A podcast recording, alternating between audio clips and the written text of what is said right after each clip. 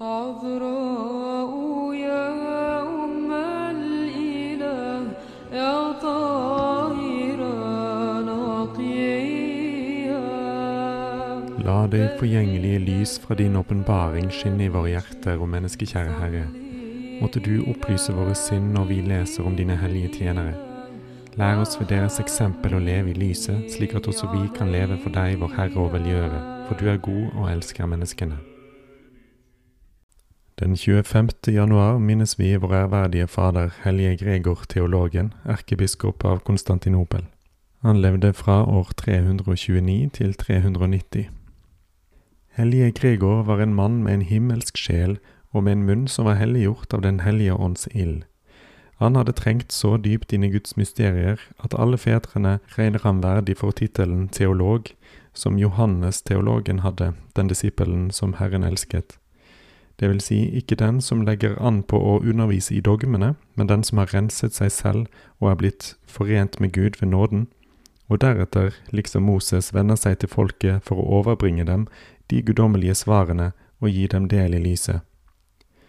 Som hellige Basilius og hellige Johannes Chrysostomos overskrider hans liv i høy grad grensene for en alminnelig livshistorie, og frambyr seg snarere for oss som et forbilde på kristen hellighet, og hans udødelige verker er uovertrufne i skjønnhet og dybde. Hans far var hellige Gregor den eldre, som vi minnes 2. januar. Han var en vis og dydig mann, men først hadde han vært på avveie i en sekt som kalles hypistarierne. Men takket være hans ektefelle, hellige nonnas tålmodighet og bønn, ble han omvendt til kristendommen. Senere i hans liv ble han biskop av Nasians, en liten by i Kappadokia som ligger i dagens Tyrkia. Ekteparet var lenge barnløse, men så skjenket Gud dem tre barn, hellige Georgina, hellige Gregor og hellige Cesarius. Etter Georginas fødsel hadde hellige nonna innstendig bedt Herren om å skjenke henne en sønn, og hun lovet å vie han til Gud. Gud svarte på denne bønnen i en drøm, og han viste henne utseendet av det barnet som skulle bli født, og navnet han skulle gis. Fra Gregors fødsel av i år 329 hadde hans mor omsorg for å utvikle spirene til de hellige dydene hos ham og barnet utviste snart gamle folks visdom, og han hadde en sterk dragning mot det å lese og studere, og etter å være i Guds nærvær og å be. En natt så han i drømme to unge, rene jomfruer som viste seg for han.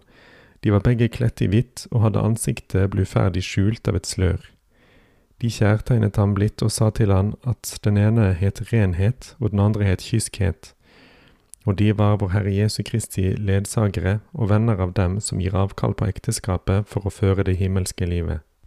De formante meg til å forene mitt hjerte og min ånd med deres, for at de, etter å ha fylt meg med jomfruelighetens glans, kunne føre meg fram for den hellige treenighetens lys, sier han i et selvbiografisk dikt.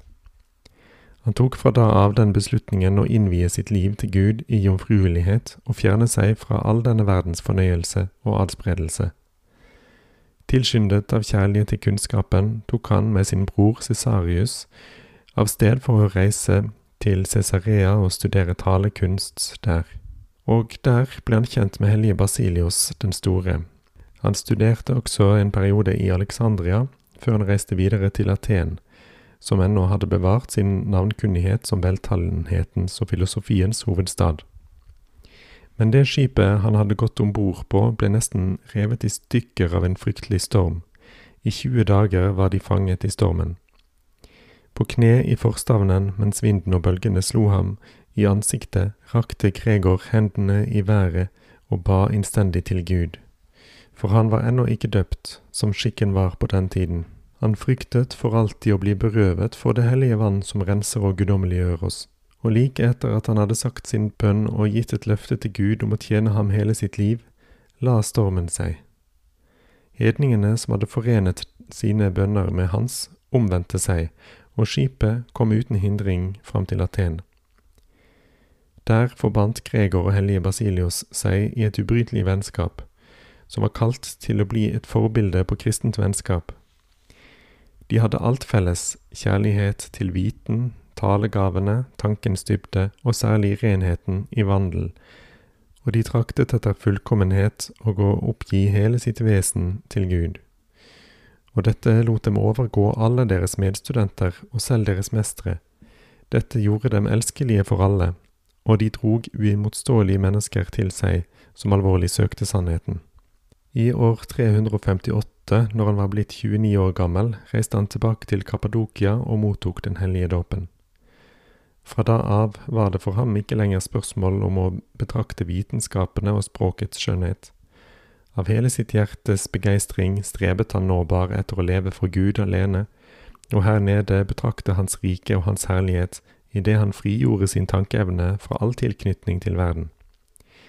Helt til sine dagers ende underkastet han sitt legeme en streng askese, til tross for hyppige sykdommer som la bånd på hans foretaksomhet. Men han utholdt dem med glede. Han felte en strøm av tårer når han sendte sine bønner opp til Gud, eller når han fordypet seg i Den hellige skrift, for der å la seg fylle av Guds ord. Og fra da av stilte han den glimrende veltalenheten som han hadde ervervet seg under sine studier, i tjeneste for ordet men mer enn alt ønsket han å være uten bekymring, for i taushet og fjernt fra verden å kunne hengi seg til å praktisere og leve i Guds nærvær. Derfor slo han i hast følge med hellige Basilios, som hadde slått seg ned som eneboere i Irisdalen, for at de der sammen kunne føre et liv som lignet englene, i overstemmelse med de planer som de hadde lagt under deres opphold i Aten. Sammen trengte de som en eneste sjel inn i Guds mysterier, og sammen ble de henrykt til himmelske visjoner, forbilder på den glede og den enheten de utvalgte skal ha i Guds rike, og slik mottok de av Herren en uforliknelig kunnskap om mennesket og dets naturs mysterium, og om den kunst det er å rense sjelen for dens lidenskaper. Av denne grunn kunne de, tross deres unge alder og de få år de hadde tilbrakt i det monastiske livet, i enighet utarbeide de monastiske reglene, som siden da har vært grunndokumentet for det ortodokse klostervesen. Dette ganske himmelske liv skulle likevel bare vare en kort stund, for snart ble Gregor kalt hjem av sin aldrende far for å passe på han og ta seg av bestyrelsen av kirken i Nasians, som uheldigvis var blitt splittet som følge av kjettere.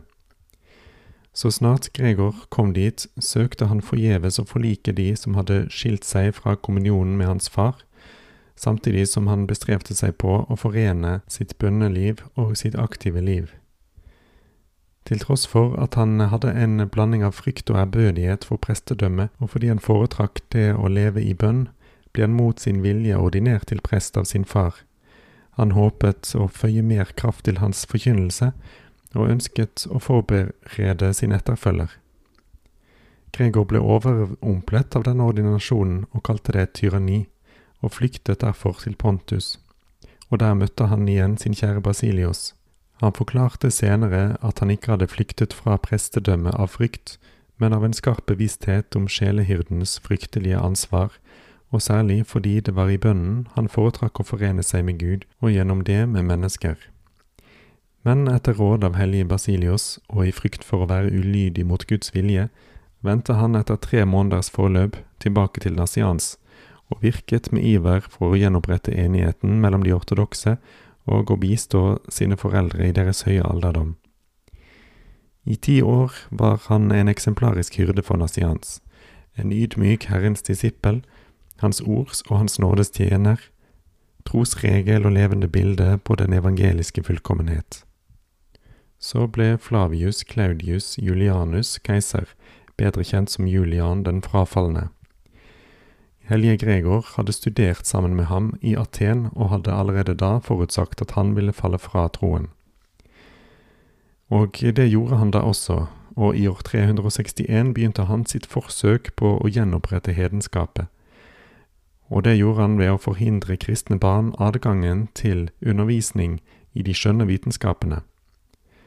Da svarte hellige Gregor med å utarbeide glimrende avhandlinger og opphøyede dikt, og der utla han troens mysterier med en litterær fullkommenhet og en rikdom på bilder og uttrykk som overgikk oldtidens store forfatteres verker. Med hellige Gregor og de andre kirkefedrene ble på denne tiden den helenistiske kulturen ikke bare omvendt til kristendommen, men denne ble avgjørende overvunnet og ga plass for en i egentlig forstand kristen, ortodoks kultur, som bruker det beste av oldtidens frambringelser idet den forvandler dem. I år 370 arbeidet hellige Gregor og hans far virkningsfullt med å få hellige Basilios til å bli biskop i Cesarea, og på å få han anerkjent som leder for det ortodokse partiet. Hellige Gregor var mer fri enn Basilios, som var utsatt på alle sider og forpliktet til en viss tilbakeholdenhet, men da kunne hellige Gregor forkynne åpent om Den hellige ånds guddom imot de makedonianske kjetterne og han sto også dristig imot keiser Valens forfølgelse. De to vennene hadde nådd en slik berømmelse hos folket at keiseren ikke turte å angripe dem, og de ble de eneste ortodokse som på den tiden unngikk landsforvisning. Etter at patriark Valentus av Konstantinopel døde i 378, inviterte et biskopsråd hellige Gregor til å hjelpe Konstantinopelkirken, som på dette tidspunktet ble herjet av kjettere. Etter å ha innhentet velsignelse fra hellige Basilios den store, kom hellige Gregor til Konstantinopel for å bekjempe kjetteriet.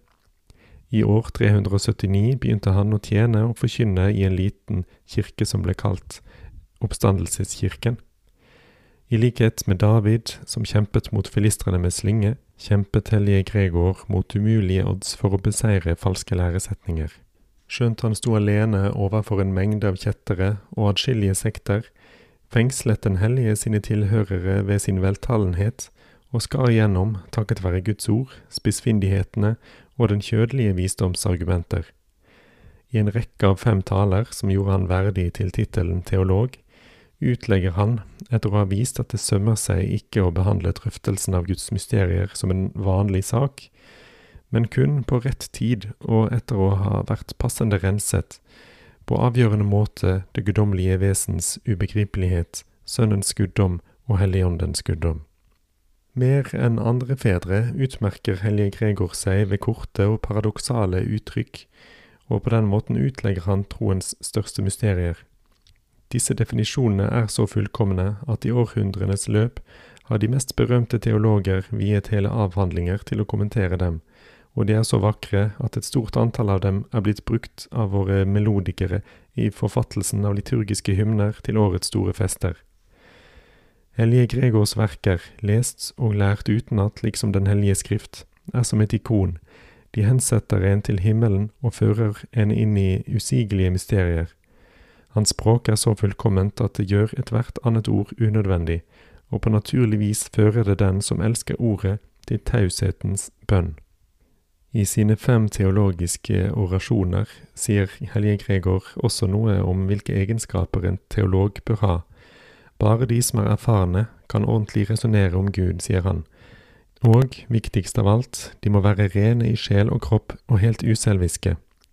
Å resonnere om Gud ordentlig er bare mulig for en som går inn i det med inderlighet og ærbødighet. Den første av hellige Gregors fem teologiske orasjoner er viet til argumenter mot eumanierne for deres blasfemi mot Den hellige ånd. Når helgenen undersøkte nøye alt som sies i evangeliet om den tredje personen i guddommen, tilbakeviser helgenen kjetteriet til Eunomios, som avviste guddommeligheten til Den hellige ånd. Han kom til flere grunnleggende konklusjoner. For det første, når du leser Den hellige skrift, er det nødvendig å avvise blind bokstavtrohet og prøve å forstå dens åndelige betydning. For det andre opererte Den hellige ånd i Det gamle testamentet på en skjult måte, sier han. I tillegg til sine taler, 44 av dem er bevart til i dag, ble han også berømt for sine dikt og sine brev. Hans berømmelse spredte seg både i øst og vest, men helgenen bodde i hovedstaden som om han fremdeles bodde i ødemarken. Hans mat var ørkenens mat, klærne hans var bare det aller nødvendigste, han gjorde visitas uten invitasjon, og selv om han var i hoffets nærhet, søkte han ingenting derifra, ble det fortalt.